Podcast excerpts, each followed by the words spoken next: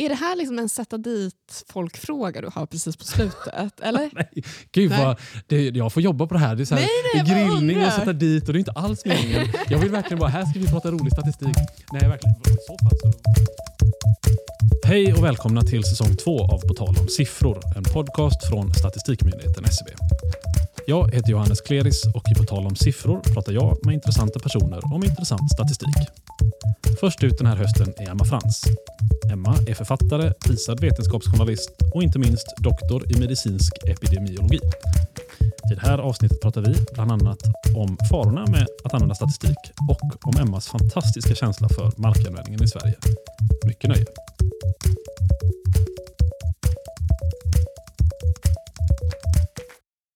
Välkommen Emma Frans. Tack så mycket. Du, I presentationen så kallar jag dig för författare, vetenskapsjournalist och doktor i medicinsk epidemiologi. Men jag kunde nog lika gärna ha kallat dig för folkbildare, vetenskapsaktivist och influencer. Hmm, spännande. Ja, eh, influencer är liksom lite negativt laddat tycker jag. Tycker du? Ja, lite. Men eh, det kanske behövs influencers som jag. Nej, men jag pratar ibland om influencers, men kanske då också problematiken med att man har eh, enskilda individer som har väldigt mycket eh, inflytande och popularitet. Och Det har funnits exempel när influencers har spridit felaktigheter kring eh, olika typer av medicinska frågor. Mm. Men du problematiserar inte det själv här när du säger så? Eh, kanske... Eh, nej men det är klart att det finns en poäng i det. Att, att, eh, att vara en enskild individ som har mycket följare och som därmed har mycket inflytande. Eh, det, det innebär ju ett ansvar också. Eh, sen så eh, är det ju också ett privilegium, såklart. Vad jag ville komma fram till tror jag är att du har väldigt många tunga titlar att välja bland. Ja, okej, det var det. Och jag bara fastnade på, på den, den enda titeln som jag hade något typ av problem med. Eh, ja, men det är sant. Eh, precis. Nej, men jag har på senare tid eh, byggt på min CV ganska ordentligt faktiskt. Mm. Vad är du främst då, skulle du säga, av alla de här grejerna? Jag tycker väldigt mycket om titeln folkbildare och jag tror att folkbildning är det som jag brinner allra mest för. Eh, jag tänker mig som forskare så är jag väl medioker. det finns väldigt många bra forskare. Eh, men när det kommer till att nå ut så känns det som om eh, jag har lyckats väldigt väl där. Att det kanske är där min talang därför ligger. Är det det du ser dig främst som nu, skulle du säga? Folkbildare snarare än forskare? Eller är det Alltså både och? folkbildare Eller? låter lite pretentiöst tycker jag i och för sig. Eh, men jag tror att, jag, jag tror att liksom mitt kall är lite att befinna sig på gränsen mellan allmänheten och akademin och att försöka eh, ja, men i båda riktningarna eh, kommunicera. Mm. Alltså dels vad är folk intresserade av, vad tycker folk är viktigt, eh, hur, hur eh, gör man forskning intressant och lättillgängligt. Och sen också som sagt att, att ta de kunskaper som jag har fått från forskarvärlden och försöka föra ut dem. Det där med att göra forskning intressant och lättillgängligt ska vi nog komma tillbaka till sen tror jag. Lite när vi pratar om, om poddens grundtema som är Ja. statistik. Men jag tänkte ändå först prata lite mer om det här med folkbildning. Du säger att eh, det är lite, kanske lite pretentiöst åtminstone att kalla sig själv för folkbildare. Ja, verkligen. Det får någon annan göra. Men om, om nu jag gör det då. Jag kallar dig för folkbildare. Det är okej. För jag tänker att det är ändå det kanske folk förknippar dig med mest Mm. för närvarande. Eh, För du har ju flera år jobbat med att spräcka myter och presentera fakta i en mängd olika, olika kanaler. Det är tv, det är tidning, det är böcker. Och då vill jag, jag vill läsa en grej för dig här. Du har, du har säkert hört det förut, såklart, åtminstone när du fick priset. Men när du 2017 utsågs till Årets folkbildare av föreningen Vetenskap och folkbildning så löd motiveringen så här. Uh, Emma Frans tilldelas utmärkelsen för sin förmåga att på ett pedagogiskt och humoristiskt sätt sprida kunskap och förklara myter och missförstånd kring vetenskap. Det låter ju jätteenkelt när det står nedskrivet så, men det måste ju vara bland det svåraste som finns. Ja, alltså jag tror ju att... Eh, jag, tror att min, jag har ju undervisat under många år i just det här med vetenskaplig metodologi och som epidemiolog får man ju också väldigt mycket utbildning kring statistik, biostatistik och också studiedesign. Eh, och det, jag tror att också liksom epidemiologin har ett ganska dåligt rykte. Eh, vi tittar ofta på på samband där vi inte kan urskilja huruvida det verkligen handlar om orsaker eller om det finns bakomliggande förklaringar som, som förklarar varför vi ser de här sambanden. Så jag tror att man blir väldigt medveten då kring de potentiella felkällorna som finns när det kommer till forskning. Eh, och jag tror att det jag i grund och botten gör när jag försöker kommunicera det är ju att jag eh, tittar på forskning och forskningssammanställningar. Eh, vad finns det för styrkor, vad finns det för svagheter och sen försöker nå ut med det. Och, eh, när det kommer till liksom desinformationen på nätet och sånt som vi har pratat eh, mycket om på sistone så eh, finns det ju intressanta aspekter av hur just vetenskap och den vetenskapliga metoden hjälper oss att ta reda på vad som faktiskt stämmer och vad som inte stämmer. Och Jag tror det här liksom vetenskapliga förhållningssättet även kan hjälpa oss när vi går utanför det vetenskapliga. Just bara det här att ifrågasätta sina egna eh, förutfattade meningar, att man ibland måste försöka utvärdera information på ett mer objektivt sätt med hjälp av olika typer av verktyg som liksom statistiska analyser och sådana saker. Så den påminnelsen tror jag att man har nytta av eh, även när man går utanför just de här frågorna som, som jag då framförallt har specialiserat mig på. Eh, jag skulle säga att det är rätt modigt att göra som du gör också. Alltså att tackla så många olika ämnen. Det finns ju en risk att du någon gång har fel, liksom, att fallhöjden blir rätt så hög. Liksom. Så är det ju absolut. Eh, och, eh, det där är något som jag brottas väldigt mycket med. Eh, hur pass... För jag menar nästan alla de här sakerna så sitter det ju någon annan expert där ute som kan de här enskilda områdena bättre än vad jag kan. Eh, men det är ju också som sagt för en, eh, en kompetens att kunna göra saker begripligt och nå ut. Eh, och där tror jag att ehm, det finns ett problem inom akademin att personer som är experter de kanske inte är jättebra alltid på att göra saker lättillgängliga och begripliga.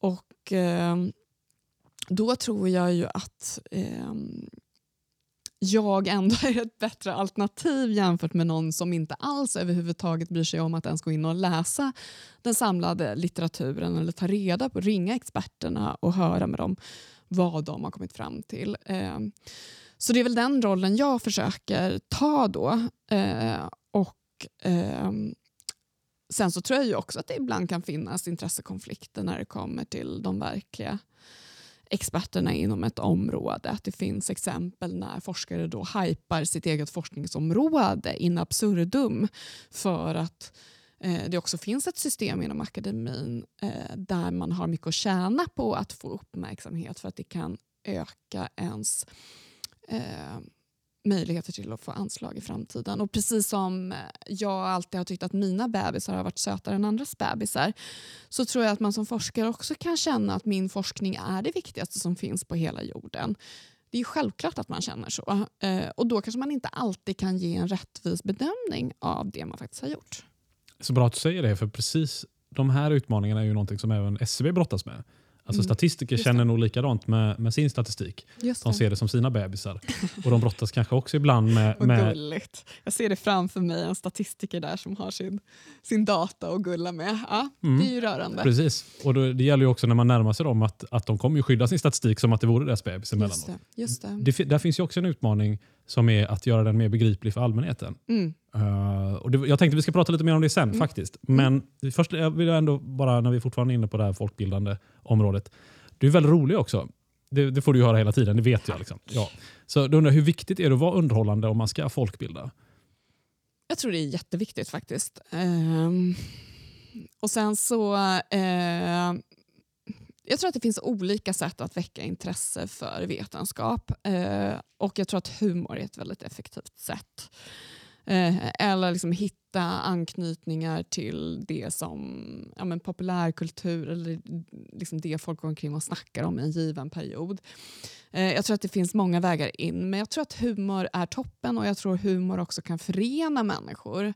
Jag vet att många följer mig som då kanske...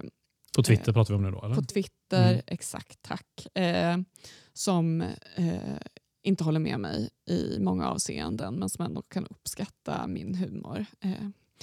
Sen så finns det ju så, såklart också ibland eh, kan jag tycka liksom, eh, folkbildare som använder sig av humor kanske ibland kan ha en raljant ton och det tror jag att jag själv tyvärr också kan ha ibland. Och i sådana situationer om man börjar håna sina meningsmotståndare då får man ju säkert mycket applåder från kören men jag tror att det också kan finnas risker med det såklart. För eh, då blir folk väldigt defensiva och när en person blir defensiv så är man ju inte mottaglig för eh, att eh, ifrågasätta sina egna uppfattningar. Eh, så jag, jag, tror att det är som sagt var, humor tror jag är toppen för att nå ut men jag tror att man också ibland måste vara lite försiktig i att eh, inte ha allt för roligt på andras bekostnad. Men den gränsdragningen är ju nästan omöjlig. Alltså, folk som yeah. kommer ju kännas utpekade vare sig ja. de är det eller inte om det är någonting som på något sätt petar hål på det de tycker eller tror. Precis, och, och jag menar jag tror absolut att det finns en motsättning mellan att nå ut och att alltid vara helt korrekt eh, och helt nyanserad och aldrig trampa någon på tårna och så vidare. Så det är också en avvägning som man får göra. Och där tycker jag ju på något sätt att eh, säga att man är som en myndighet som SCB, där kanske det är viktigare att att eh, man eh, funderar över sin trovärdighet på sikt och att vara helt korrekt och nyanserad. Medan man, som i mitt fall, som är någon sorts liksom vetenskapsinfluencer, där kanske man kan vara lite friare i hur man uttrycker sig och där kanske man kan snarare bjuda på sig själv som person med liksom ibland olämpliga skämt eh, och sådana saker. Eh, utan att riskera allt för mycket. Men om SCB då vill nå ut och samtidigt vara korrekt och nyanserad. Mm. Menar du att det är en fullständig motsättning eller går det att, hitta jag en tror väg? Att det, nej, jag tror absolut att bara på något sätt att göra saker intressanta och begripliga tror jag är jätteviktigt och ibland bjuda på sig själv och skoja till sig lite. Det tror jag absolut. Men jag går ju ofta över gränsen såklart. Det är jag fullt medveten om. Och det tror jag kanske man... Jag menar Twitter är Twitter. Twitter är liksom gjort för folk som Trump i princip. Eh, så jag försöker inte gå så långt. Men, men det finns ju ändå på något sätt en sorts ton i Twitter som eh, tror jag för vissa känns väldigt eh, tveksam. Jag tror att många tänker så också, att om, så länge det finns någon annan som är värre så kan, kan man alltid komma undan. Liksom. Precis, och det är ju också en risk med att man normaliserar en viss typ av eh, tongångar. Eh, och vem vet, det kanske har följdeffekter om man liksom helt plötsligt börjar förolämpa folk till höger och vänster. Det brukar jag inte göra. Jag inte, håller inte på med näthat. Det gör jag faktiskt inte. Det får jag ge mig själv. Men jag tror att det är ändå liksom någonting som man kan eh, fundera lite över och, och, jag tycker att man hör från väldigt många liksom, som kommer till mig och bara hur ska vi nå ut i det här stora informationsbruset som pågår just nu. Och där tror jag också det är viktigt att fundera över att vad innebär det att nå ut? Eh, jag tror att eh, det, man kanske vill som en myndighet det är att folk ska komma till en, att man ska vara förstahandskällan när det verkligen gäller om man verkligen vill ha eh, ett faktaunderlag eller en viss typ av information. Och sen att folk i övrigt sitter och följer influencers på Instagram. Jag tror att man blandar ihop det där lite. Eh, att man tror att räckvidd är allt. Eh, men det tror inte jag och jag tror att mycket det vi gör när vi är ute i sociala medier det är inte att leta information utan det är bara förströelse. Det är som att titta på Hylands hörna, liksom. det är det vi har ersatt. Eh, ehm, så det handlar inte alltid om att vi ersätter eh, faktainsamlandet eller kunskapsinsamlandet genom att sitta på, på Twitter. Så jag tror att man också liksom, man måste lite fundera på det faktiskt.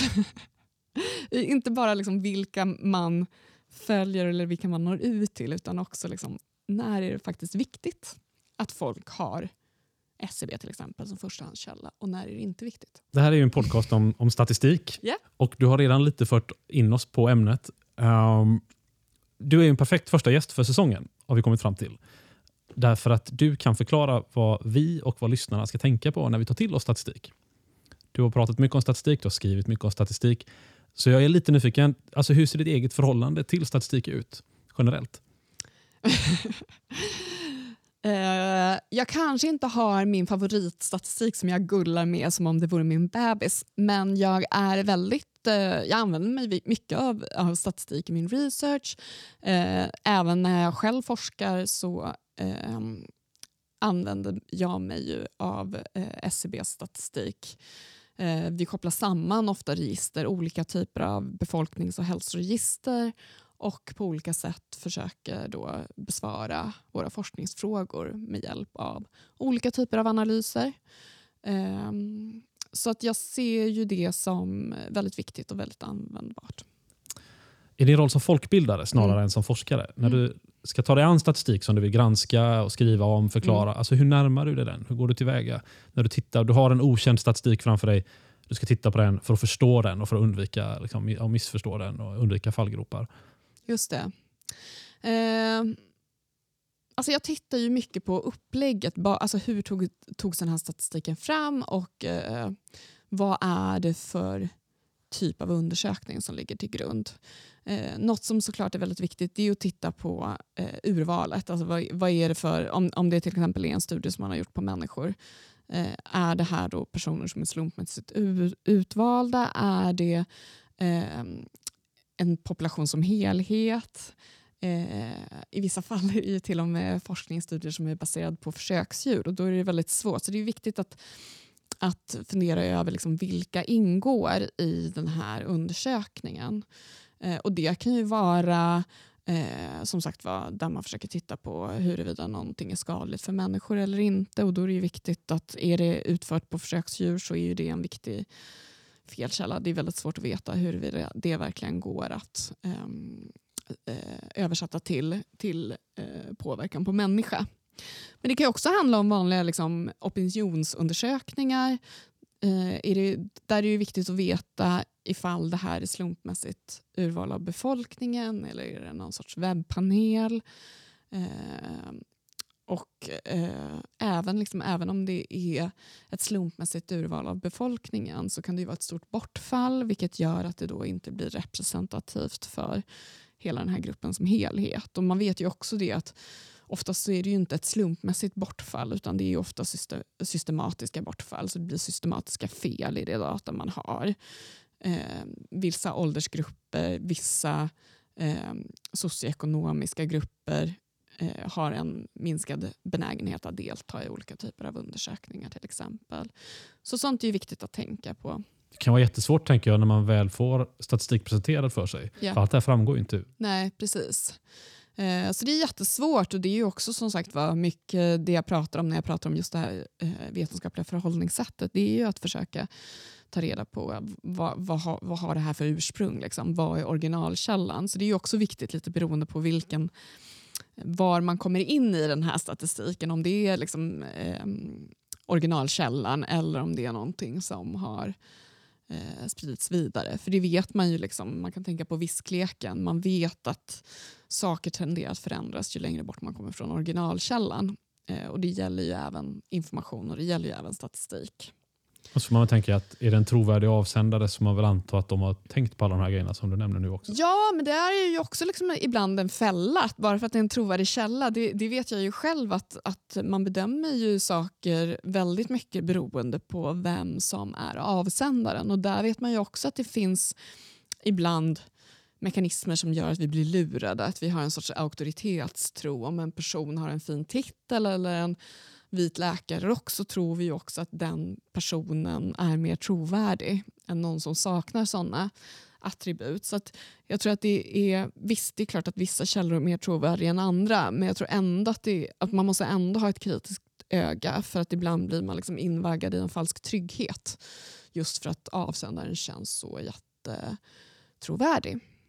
Och det, jag menar, det behöver inte vara att den personen försöker liksom avsiktligen eh, jag menar, ibland så finns det ju såklart eh, sådana som, eh, som vill vilseleda.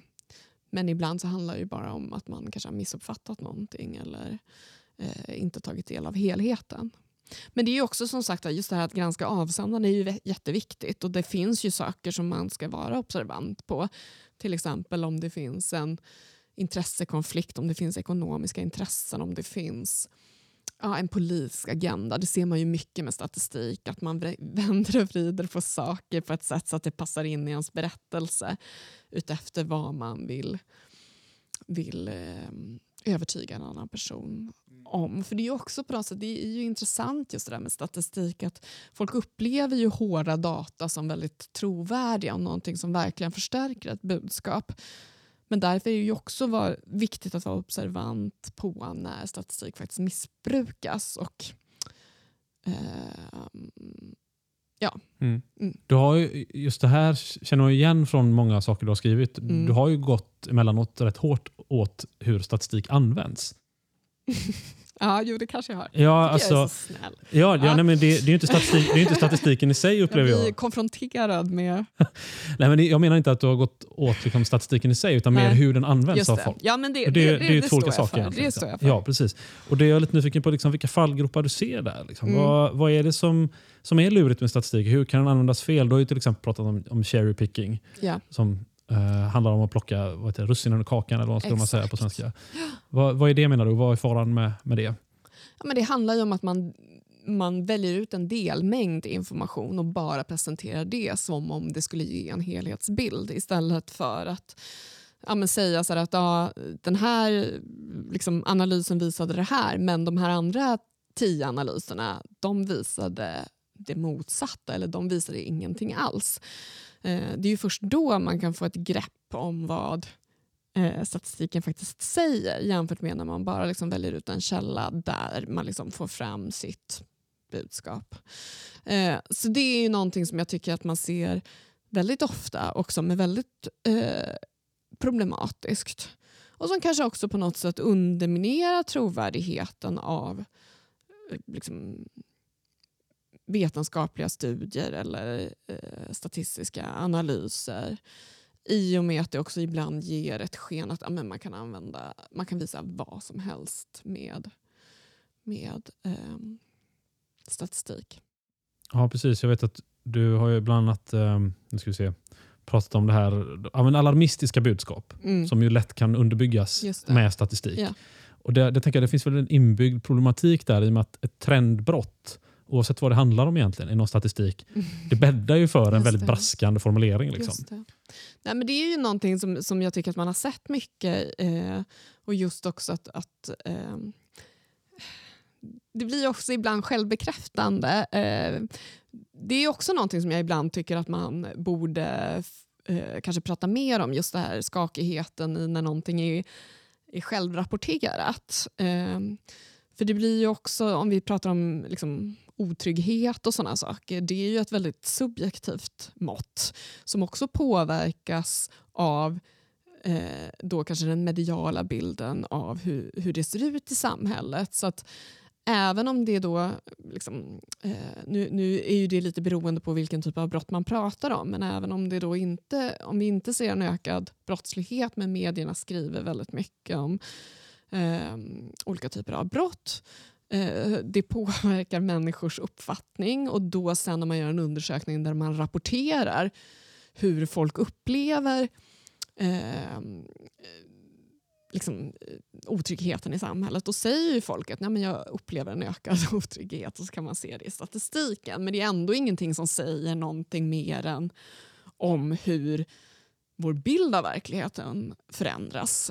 Um, och då liksom i nästa steg så ska politikerna hitta en typ av lösning på den här problematiken. Och istället då för att kanske försöka fundera över varför människor upplever en ökad otrygghet trots att då det inte är en entydig bild i statistiken om att det blir farligare. Eh, då kanske man ska fundera mer på liksom, försöka komma åt det som eh, orsakar narrativet snarare än att liksom, eh, öka till exempel eh, eh, polisnärvaron eller, eller eh, ja, kanske övervaka människor i högre utsträckning. Sen är det ju inte helt ovanligt att folk feltolkar statistik.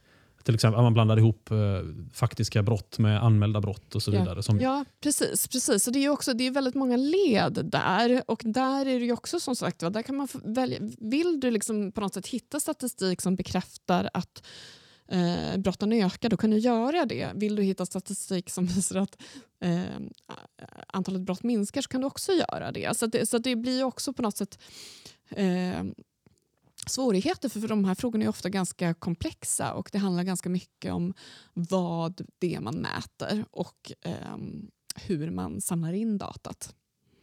Här har ju SCB ett rätt så stort ansvar också. I, I regeringens instruktioner till SCB så står det att fler ska kunna ta del och ta till sig av och använda SCBs statistik. Den ska liksom vara lättare att begripa helt enkelt eh, och tolka. Men precis som du varit inne på några gånger nu så kan det vara svårt för experter att, att ta ner sin kunskap på en mer allmänt begriplig nivå. Liksom. Hur, hur, tycker du man bäst närmar sig den utmaningen? Hur ska vi göra för att SCBs experter ska bli bättre på att göra sin statistik begriplig för medborgare som inte är vana vid att ta till sig statistik? Den utmaningen är ju det är en utmaning. Eh, för mig, så, så jag personligen har tyckt att det är väldigt viktigt att försöka också liksom, eh, arbeta förebyggande med de här frågorna. Så att jag, håller, jag, alltså jag menar, att det, det jag framförallt försöker göra det är helt enkelt att lära människor hur det här med vetenskap funkar. Eh, och eh, på något sätt arbeta förebyggande. För när det kommer också till att felaktigheter får spridning så är det oftast eh, svårt att få människor som börjar tro på det här att ändra uppfattning och att man eh, ibland kan till och med att det, det har motsatt effekt när man försökt, försöker liksom korrigera felaktigheter. Så därför tror jag att det är väldigt viktigt också att, att ha ett sorts pågående folkbildningsarbete kring vad statistik är och hur man tolkar det och vilka potentiella felkällor som finns. Så jag tror som sagt att det är viktigt att, att alltid eh, vara tydlig med så, såklart att, att, att vara tydlig med vad visar den här statistiken? Vilka slutsatser kan vi dra? Vilka potentiella felkällor finns? Men jag tror också att det här måste vara lite ett pågående arbete där liksom människor själva i slutändan kan bara liksom påminna sig om olika typer av kontrollfrågor. Liksom, var kommer det här datat ifrån? Vad finns det för potentiella felkällor? Är det ett, ett representativt urval? Handlar det om självrapportering?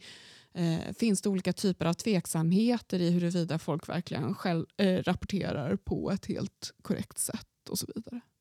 Jag tänker om inte annat att det kan vara lätt att liksom hänfalla till att paketera statistiken då med mm. ett braskande budskap. Just för att man vet att då kommer folk att vilja läsa. Ja, det där tycker jag är jätteintressant och det där är ju ett problem som vi ser också inom eh, akademin, det område jag kommer ifrån. Där har man till och med eh, eh, gjort undersökningar där man har tittat på när det blir överdrifter i eh, hälsorelaterade nyheter och hur ofta liksom det då de här överdrifterna förekommer redan i pressmeddelandet som skickas ut från universitetet. Och Då kan man se liksom, ja men, en tredjedel av fallen så finns de här överdrifterna redan i pressmeddelandet som skickas ut från universitetet. Så att jag tror att det finns en fara i att eh, att på något sätt eh, vara li jag tror att det finns ett problem när man är lite väl liksom, eh, fokuserad på att liksom nå ut den här snabba klickvärlden som vi lever i. Eh, och jag tror att det är också ett problem som media har gjort i hög utsträckning. Att man blev väldigt liksom så här, just det stora informationsbruset, sociala medier bubblar upp och eh, väldigt många eh, människor eh, tillbringar allt mer tid på liksom, såna här digitala plattformar. Och så eh, försöker man då liksom optimera eh, klickandet på olika typer av rubriker. Eh, och eh, formulerar då, alltså man, man har ju mätt det här, liksom, vilka rubriker har folk en tendens att klicka på? Hur ska man formulera sig för att nå ut? Eh, och då blir det ofta liksom alarmistiskt och liksom sensationella påståenden. Eh, och jag tror att det i slutändan också har gjort att, att, att trovärdigheten från traditionella medierna eh, ifrågasätts eh, och att, att det blir på något sätt att man har konkurrerat med de här nya medierna på deras villkor eh, istället för att försöka jobba på det här långsiktiga. Mm. Här är vi tillbaka på en balansgång igen egentligen. Precis, och det är ju ofta så att det finns ett motsatsförhållande mellan att nå ut och att eh, Eh, på kort sikt i alla fall. Mm. Eh, och att liksom bygga det här förtroendet på längre sikt. Den här perfekta balansen är, vet jag av erfarenhet att den är jättesvårt att nå. Ja. nå fram till. Om inte annat så kommer du tippa över någon gång åt ena eller andra hållet. Kanske oftare än, än, inte. Precis, och där är vi lite tillbaka i statistiken också. Att, att man, man mäter olika saker men så, så förstår man inte riktigt innebörden av det. Att man kan mäta hur många klickar på en rubrik Eh, men sen så då när man kommer till en artikel som inte riktigt lever upp till det budskapet som var i rubriken, då kanske folk blir besvikna och snarare liksom att det uppstår ett förakt mot den här då, eh, källan. Eh, och i liksom slutändan så handlar det väl ändå om att man eh, vill att folk ska komma till en när de verkligen brottas med svåra frågor där man liksom kan bidra med kunskap jämfört med att man vill kanske inte att folk ska sitta och, och liksom, eh, slö, eh, scrolla SCBs hemsida eh, när de har tråkigt. Eller? Ja, det hade nog varit önskvärt ändå. Liksom. Har man lite tråkigt surfa in på sb.se och hitta och lite kul statistik och se vad du hittar. Det tror jag nog att många hade skrivit under på. Ja, okay då. Men mm. jag tänker mig att ja, visst, i en perfekt värld kanske folk skulle göra det men i grund och botten så kanske det ändå handlar om att i vissa situationer så är det väldigt viktigt att folk kommer till er jämfört med att gå till liksom, andra alternativa källor som inte alls har samma typ av uppdrag som ni har. Du bjuder mig på övergångar hela tiden. För nu, nu, vill, nu vill jag bli riktigt högtravande. Jag vet inte vad vi, vilken nivå vi har legat på, men nu skulle jag vilja bli riktigt högtravande. Om ja. jag får, är det okej? Okay? Ja, jag mm. kör. Jag vill prata om SCBs demokratiska roll nämligen. Ja. Mm. Och jag vill... Eh... Det, det, glömde du, en annan tung titel som jag har, det är mm. faktiskt att jag är demokratiambassadör. Oj, ja, det, ja, det är en det, tung titel. Ja, det är tungt. Det är tungt. Eh, så det är ett regeringsuppdrag mm. eh, där, eh, där jag sitter med i en kommitté. Mm. Och det, där är syftet att vi ska uppmärksamma 100-årsjubileet. 100 år sedan allmän och lika rösträtt 2021. Eh, så det är också, eh, handlar om folkbildning i demokratifrågor och också utåtriktad verksamhet för att uppmärksamma. Du är ju perfekt för den här frågan som kommer nu. Ja, men det är därför, nu, nu höjer jag ribban så nu kanske jag kommer ge ett uselt svar. bara därför. Nej, det finns nog bara bra svar på den här frågan tror jag. Okay. Det, ja, men det, det är liksom, dels så är det eh, SCBs och statistikens demokratiska roll som jag pratar om. Och mm. en, ytterligare en av SCBs största utmaningar. Vi har redan varit inne på det här med, med att få um, ja, men, göra den mer begriplig, statistiken. Liksom. Mm. Men det här är en annan utmaning som SCB står inför. Det, alltså så här, SCB har ju statistik om otroligt många olika saker. Jag, mm. Sen jag började jobba här så jag har liksom blivit förvånad över hur mycket det finns. Liksom. Ja. Jag visste ju att det fanns mycket men jag hade nog inte förstått vidden av det. Liksom. det. Och den här statistiken kan man använda för att måla en väldigt detaljerad bild av hela Sverige och av människorna som bor här. Um, som i sin tur kan bli underlag för politiker och andra makthavare när de ska ta viktiga beslut om, om hur landet ska styras och så vidare. Men den, den här bilden och den här statistiken, det är liksom ingen självklarhet att det ska funka så. Utan det krävs ju då att det finns ett underlag. Och det, som det ser ut idag så står SCB inför den stora utmaningen kommer att samla in det här underlaget. För svarsfrekvensen minskar ju hela tiden i alla möjliga sammanhang. Alltså folk, det räcker ju gott sig själv. Det kommer ju olika typer av undersökningar hela, hela tiden. Att liksom skilja på de olika avsändarna och veta vilken som är seriös, vilken som är oseriös, vilken som är en bluff. Då är det lättare att bara inte svara på någonting. Liksom. Just det, man har ju sett de där rubrikerna om falska SCB-are som frågar kvinnor om sitt sexliv. Till exempel. Och Det är ju ett jättestort problem för SCB att det, sånt ens förekommer. Mm. För det gör ju att folk kanske inte vill svara när riktiga SCB faktiskt ringer och ställer viktiga frågor. Som ju då är helt anonyma för övrigt. Det är viktigt att understryka. Uh, men för utan den här datan så kan man inte måla den här bilden som jag pratar om. Och Den utmaningen, att få folk att mm. faktiskt svara på, inte bara svara på SCBs eh, frågor utan kanske då också förstå och veta vad SCB är för någonting. Vad, vad, vad, tror du där? Liksom? Hur kan SCB jobba för att öka svarsfrekvensen? Om det ens går, för det är ju en samhällsfråga också och, och liksom hur samhället har utvecklats. Mm. Det har inte nödvändigtvis med SCB att göra. Precis, eh, och det är ju också någonting som jag i min forskning brottas med. Just det där, hur får man, upp, hur får man folk att svara? Och just också sådär, särskilt de här särskilda grupperna som man vet är dåliga på att svara. Det är ofta de också som faller bort och då kanske man inte heller kan eh, eh, generalisera Eh, det man finner till de här grupperna, vilket då kan vara väldigt problematiskt. Så jag vet inte om jag har ett bra svar på det, men jag tror att, att det behövs många, eller det behövs stora folkbildningsinsatser när det kommer till just det här med demokrati och vilket ansvar man också har i en demokrati. Där kan jag tycka att fokus väldigt ligger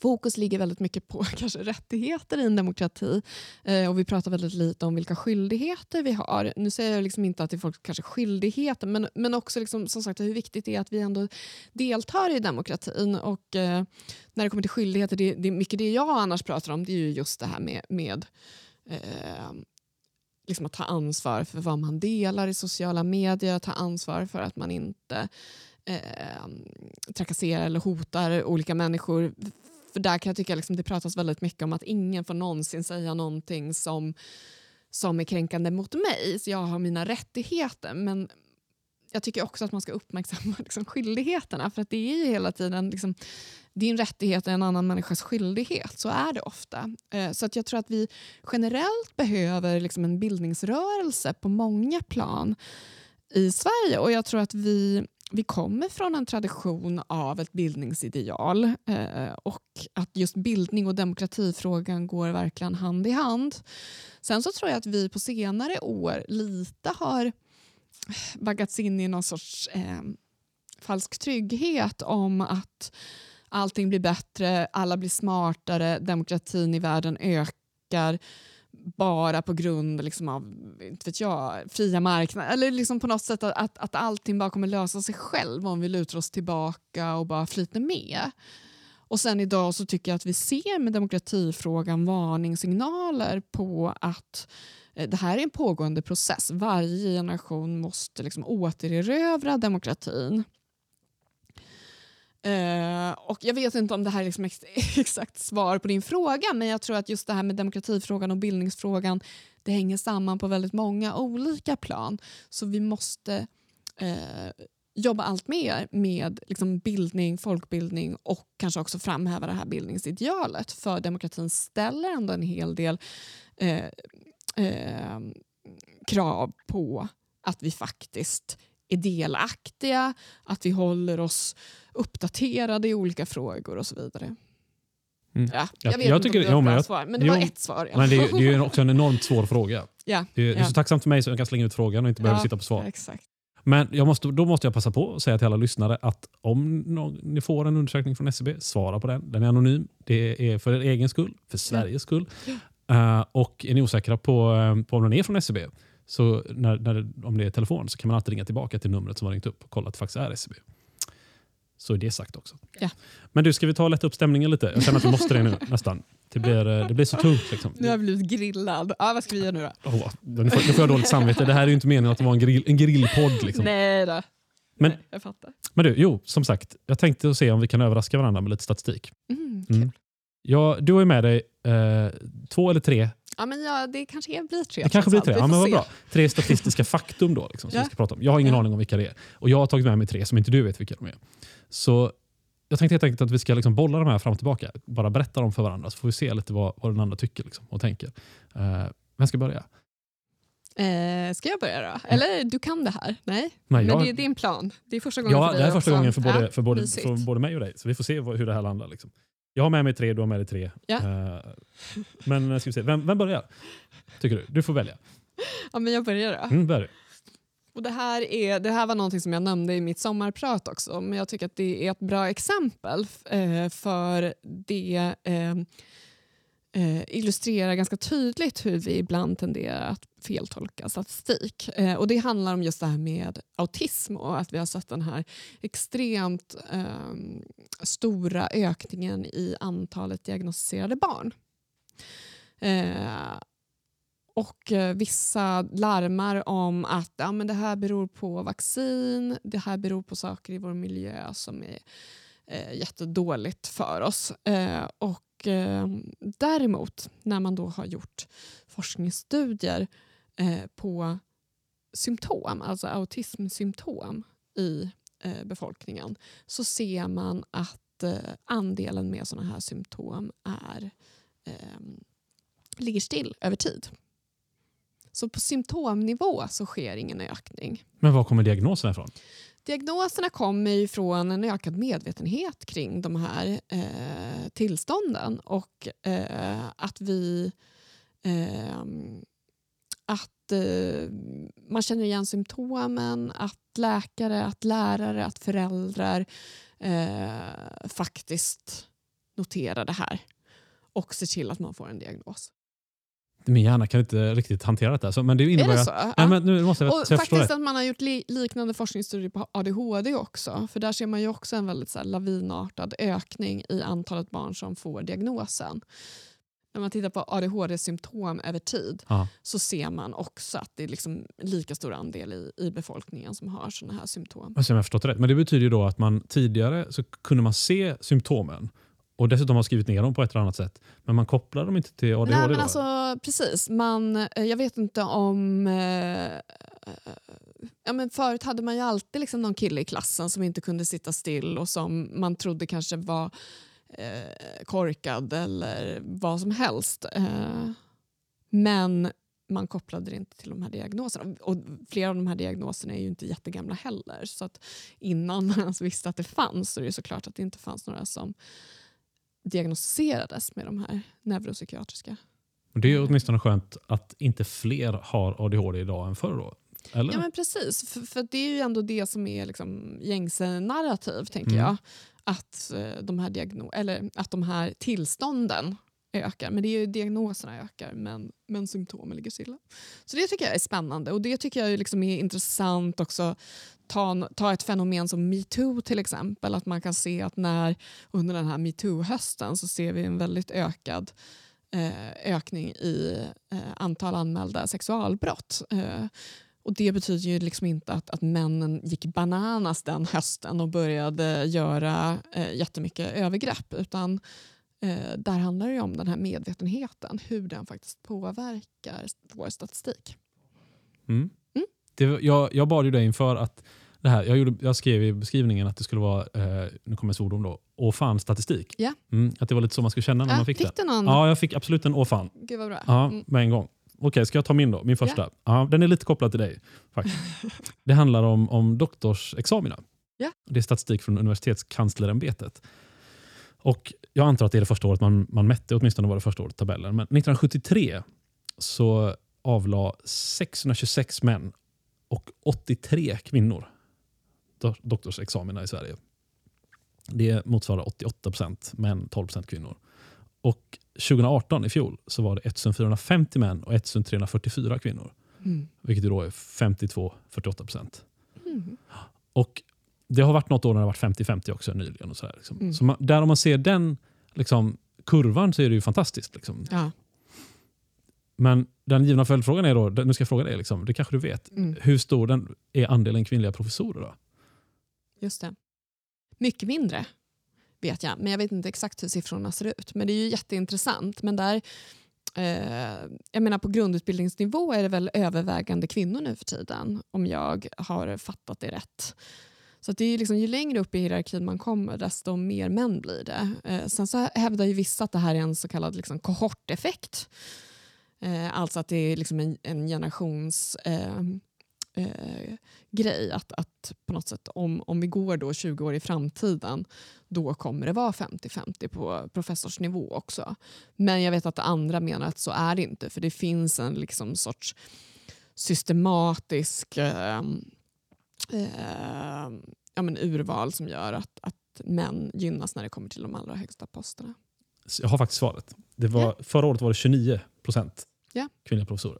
Men Där måste man ju ändå sett en ganska snabb förändring jämfört med hur det var för... 2008 var det 19. Ja, det är jätteintressant. Ja. Kurvorna går åt samma håll, men Ja. de, de hänger inte med varandra riktigt Nej, okej. i, i andel än. Just. Men just det här, själv fastnade jag för 88 procent, för det är inte så länge sedan 73. Nej. Vad är det? 30, nej, 46 år sedan. Mm. Mm. Ja. Mm. Ja, vad intressant. Mm. Var det och fan Och, också, eller eh, var, du kände till detta redan kanske? Mer eller mindre? Nej, alltså jag, jag kände igen det lite grann, Mm. men, men jag tycker ändå just sådär, jag, jag trodde nog att, att, det var med, att det var en större andel män på pro- professorsnivå. Sen så är det säkert väldigt beroende på vilken disciplin man är inom, skulle jag gissa. Men eh, jag tycker det är ganska hoppfullt. Eh, man kan ju hoppas att det bara är liksom en generationseffekt som gör att vi i framtiden kommer se liksom en, en jämn eh, fördelning. Ska du ta din nästa? Eh, ja, Mm. jo, eh, jag tror att det här till och med är SCB-data. Eh, jag sökte information om äktenskap. Och eh, det som jag tyckte var spännande där, det var ju att eh, jag lärde mig att eh, allt att, det, att, det, att äktenskapen blir längre. Att det är allt fler guldbröllop nu för tiden jämfört med vad det var förr. I andel då, eller antal? Eller? antal, men jag tror också andel att, att den genomsnittliga äktenskapet varar längre. Aha. Men det behöver ju inte betyda att vi är mer kära och har bättre relationer nu. Utan det där verkar framförallt hänga samman med den ökade livslängden. Just det. Så, och också framförallt att män lever längre. För att annars har män, männens eh, ålder varit den begränsande faktorn. Mm. Eh, men nu liksom har vi kunnat se att, att eh, det... Eh, och apropå det, just det. Det är en annan förvånande fakta som jag kom på nu. Eh, som är jätteintressant. Och det är att det är extremt stor skillnad i livslängd i Ryssland mellan män och kvinnor. Just det, det läste Att det är jag. något så här liksom helt sjukt, Ja. här 15 år eller, Just- eller mer till och med. Nu har jag inte exakta siffror. Eh, men i Sverige är det ju visst, liksom, vi kan se att eh, kvinnor lever ett par år äldre men den siffran verkar ha jämnats ut Mm. på sistone. Men i Ryssland har den här jättestora... Och det tror man ju liksom i hög utsträckning beror på alkoholkonsumtionen. Just det. Jag minns faktiskt detta för att det var i, i samband med den här pensionsreformen som var så omdebatterad i Ryssland nyligen. Ja. Nu säger jag den där som att alla vet. Ja, känner till ja, den. jag, har, har tyvärr inte koll på den. Nej, men, Men det var, det var en häromåret. Liksom. Och Ja. då vet jag att det var en, en stor anledning till att folk protesterade så mycket för de skulle höja pensionsåldern. Ah, Och män okej. lever ju inte så länge så det var liksom nästan meningslöst att ens drömma om pension då för många Ja. män. Liksom. Ja. Mm. Ja, vad synd att jag inte hade de exakta siffrorna. Det, Nej, kanske vi kan, jag Det kanske får folk kolla upp. ja, det får folk kolla Det upp. tycker jag. Men, men det, var, det, det, var fan, det var en riktig åh fan. Mm. Herregud alltså. Mm, Åh fan på ett dåligt sätt. verkligen. Jag reagerade faktiskt likadant första gången jag såg det. Ja. Ungefär så. Man Ja. tänker att de borde väl vara ungefär i nivå med oss, tycker man. Kanske. Men kvinnorna är ju ungefär. Mm. Men männen är ju liksom dramatiskt eh, mycket yngre när de dör. Ska jag ta min nästa då? Passa er för vodkan. Verkligen. Passa Mm. sig för vodkan. Mm. Man, tycker att, man, man tror att de kan hantera sin vodka men det kanske inte hjälper i långa loppet. Eh, jo, den här, nu ska vi se vad det är för källa. Jo, det är Statens medieråd. Det var eh, Unga och medier, den rapporten som de kommer med. Jag vågar inte säga om det var varje eller vartannat år. Vilket fall som helst, den senaste, den kom alldeles nyligen. Då står det att eh, and, andelen pojkar i åldern 9 till 12 som brukar spela tv-spel minskar. Hmm. Från 87 procent 2017 till 79 procent 2019. Och sen 2014 så har det minskat från 90 procent. Det blir många siffror nu, men alltså på fem år från 90 procent till 79 procent. Då undrar man ju vad gör de istället? Exakt, visst gör De är man. på TikTok. Alltså jag tänker, det måste, jag tänker spontant, det måste ju vara mobilen. Ja, Eller hur? Exakt. Det, För Det kan ju inte vara något annat som har blivit så jävla roligt plötsligt som att spela fotboll. eller läsa böcker. Nej. Nej. Nej, men eh, där tror jag att att jag nyligen såg siffror om att man läser att, att unga och barn läser mindre. Precis. Men det var ju väntat. Det, var åh fan. Mm. Mm. Nej, men jag, jag kollade faktiskt upp det, för min första tanke var det, ja, men det måste det vara att de sitter med mobilen. Och Det enda jag kan se är att den dagliga mobilanvändningen ökar i alla fall hos barn i den åldern. Just det. Det, så det, det är ju lite deppigt. Liksom. Sen, Ja. men en annan intressant grej här. Du ser, Ja. jag, sa, jag sa att jag skulle ta en grej, så Ja. spinner jag vidare på flera. Men jag såg i, i anslutning till det här att eh, för första gången så är, så är det en större andel flickor än pojkar i den åldern, 9-12, som spelar tv-spel. Det är 81 procent. Gud vad intressant. Mm. Ja, det är jätteintressant. För det där är så, så spännande också att se hur, hur vår bild av olika saker också förändras beroende på vilka det är som, eh, som använder sig av Mm. dem. Typ som säg nätdating till exempel. Att när det var liksom så här kufar som inte kunde träffa någon i verkligheten som försökte hitta någon på nätet. Då var det ett jättestarkt stigma mot det. Mm. Eh, jämfört med då eh, nu för tiden när alla träffas på det sättet så finns det ju liksom inget... Ja, just det. det handlar om Eller vem jag som gör vet, det. det kanske finns visst, jag vet inte. Ja, men det kan ju inte vara samma stigma som det Nej, du säger. Nej, men absolut verkligen. inte. Det Men där tänker jag ju också just sådär om någonting blir liksom eh, just det här med tv-spel, då tänker man ju att det är väldigt så killars, pojkar som inte sköter skolan som spelar tv-spel. Eh, vilket jag tror påverkar vår syn på tv-spel som någonting som är dåligt. Att vi hela tiden liksom ser den där typen av... Eh, för det för, för oss lite över till min sista sån här... Eh, åh fan, eh, grej. Eh, när man tittar på, på ungas, unga människors psykiska välbefinnande så kan man se att de som använder Alltså de som har lagom mycket skärmtid, Mm. de mår bättre än de som befinner sig i båda liksom extremändarna. Eh, vilket jag tycker är intressant när man idag pratar om att liksom skärmtid är så himla farligt för barn. Eh, men om man då tolkar den här statistiken så skulle det ju säga att lite skärm är positivt för hälsan. Men Mm. förmodligen så handlar det ju snarare om att liksom den som är någon sorts normal eh, som tillhör liksom, liksom toppen av normal för det. Alltså de som befinner sig på något sätt i, i mitten här. Det är så man definierar ändar. lagom då också. Det är ja, de som precis. finns i mitten. Lagom är faktiskt kopplat till bra hälsa. Mm. Eh, det tycker jag är liksom intressant. Jag har bland annat skrivit om det här med eh, måttlig alkoholkonsumtion som någonting som är positivt för hälsan.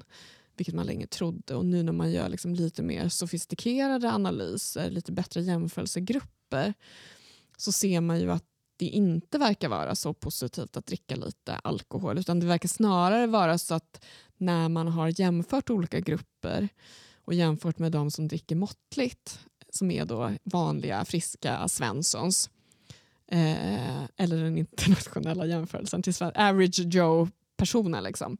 Och så jämför man dem med som, de som är liksom helnykterister. Så helnykteristerna kan bestå av personer som kanske har varit tvungna att sluta dricka på grund av hälsan eller att de är liksom avvikande på olika sätt. Och då ser det ut som om det är nyttigt att dricka lite alkohol eftersom de som, som har det, den typen av beteende också är liksom, eh, ja, friska vanlisar. Eh, och jag tror att det är lite så med det här med, med skärmtid också. Att liksom när, när vanlisarna håller på med ett specifikt beteende så tror vi att det beteendet är bra för oss. Mm. Just det. Det är omvänt vilken, vilken ordning man ska närma sig det helt enkelt. Ja, ja. Mm.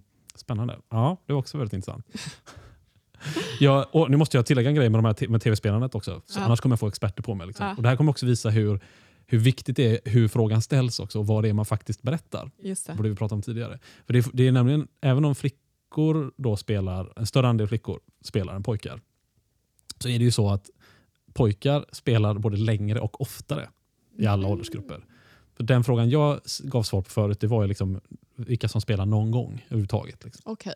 Men, men killar spelar ju fortfarande oftare och längre. Liksom. Så Ja. där stämmer väl kanske den schablonbilden man har överens. Men det visar också lite det här att hur man ställer frågan, vad det är man faktiskt får svar Just på. det. Liksom. Just det. Det visar, det gör jättemycket. Liksom. Verkligen. Mm. Mm.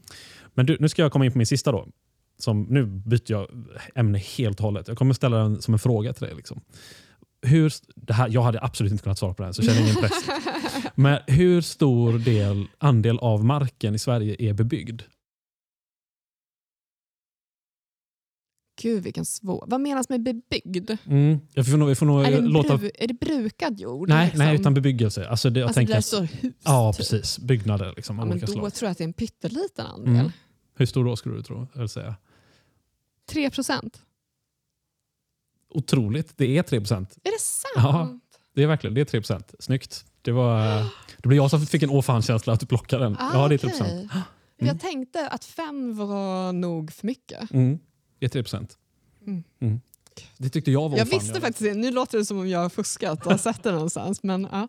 Nej, och det, då, då var jag tvungen att titta lite mer. Det här är från eh, en rapport som heter Markanvändningen i Sverige som SCB har gjort. Och då var jag tvungen att kolla på lite andra då, liksom, för att få någon slags känsla för det. Och, Expert på allt. Här har vi det. ja, SCB är ju expert på allt om inte annat. Nej, jag tänkte på mig själv. Just Ja, det där narrativet som jag hatar. Så visar det sig att Ja, det, det stämmer. stämmer. ja precis. Obegripligt. Du, eh, du nailade den rätt så ordentligt. Var, av alla andelar du kunde ha nämnt så var det liksom eh, mm, spot on. Jo, 69 procent är skog. Det känns, ju Ja. så, det känns ju lite förväntat liksom, när man tänker på Sverige. Men vet du hur stor andel som är öppen myr? Och fråga mig inte vad öppen myr är för någonting. Men Mer än vad man... Nu, jag, jag tänker mig, jag ser på din, dina ögon att det är mer än vad man tror. världens sämsta pokerface. Ja, Ja, mm, det är 7, Så- 7 procent. ah, okej. okej. Alltså mer än dubbelt så mycket öppen myr än vad vi har bebyggelse. Och då pratar vi liksom all bebyggelse i Sverige. Mm. Det tycker jag det säger någonting om, om liksom, dels hur stort vårt land är men också hur Mm. jäkla mycket plats vi har. Just det. Mm. Ja. Bara geografisk plats om inte Ja. annat. Liksom. Jag har även lite bonusinfo då. För att när man väl kommer, snöar in på sånt här så är det svårt att sluta tycker jag. Liksom. Är det här liksom en sätta dit folk-fråga du har precis på slutet? Eller? Nej, gud Nej. vad, det, jag får jobba på det här. Det är, så här, Nej, det är nej, grillning och sätta dit och det är inte alls meningen. Jag vill verkligen bara, här ska vi prata rolig statistik. Ja. Nej, verkligen. Och I så fall så var jag ju sämst för du plockade ju 3%. Nej, men jag bara undrar, undrar varför Nej, tanken inte. var... Nej. Tanken Det är kul. tanken är bara att folk. eh, det, det finns roliga statistiska faktum Ja. som man inte egentligen har någon anledning Just att det. prata om. Mm. Eh, om man bara drar upp det på en fest så framstår man som konstig. Liksom. Så man måste nästan ha en vignett för det. Liksom. Och Ja. det har vi ju Ja, här. men jag håller med. Mm. Det funkar. Du, jo, alltså eh, hur mycket golfbanor och skidpistar ingår också i den här rapporten? Hur mycket som, en stor andel som är golfbanor och skidpistar i Sverige? Och det, jag kan berätta det för dig, för, just för att jag vill inte sätta dit. Det är 0,1 procent. Ja, men jag kände att det var ganska lite. Men, eh, Är det inte rätt du? mycket ändå? Om 3 Pist procent? och- Skidpistar och golfbanor. Jag vet inte varför de har bankat ihop de två. Fast det är ändå liksom stora ytor. tänker jag. Även om det inte finns så många så täcker de ju ganska stora områden. Mm. Ja, Du har rätt i det. 0, 0,1. Ja, jo, okej då. ja. Burlöv är i alla fall värst av kommunerna. Där är 7, 7 procent utgörs av golfbanor. Mm. Ingen skidpista tror Var ligger det? Jag kan... jag. Skåne. Skåne, ja såklart. Mm. Mm. Men du, Emma Frans, har vi, har vi lärt oss någonting? Men Jag har definitivt lärt mig massor. Ja. Ja, nej, men eh, jag, Du jag har ju ju redan- lärt mig nu att jag faktiskt är expert på allt. så att jag Precis, ska du kunde ju sluta, redan markytan. så Sluta att- försöka liksom släta över det. Mm, Ja. det tycker jag. Här kom jag med några grejer som jag tänkte nu ska jag lära ut, men det, det föll. Ja. Stort tack, tack för att du kom till På tal om siffror. Tack själv. Och eh, tack till er som har lyssnat på första avsnittet eh, av säsong två. Eh, om två veckor så är vi tillbaka med en annan gäst. Får se vem det blir då. Jag heter Johannes Kleris och eh, för produktion och klippning står Mattias Boström.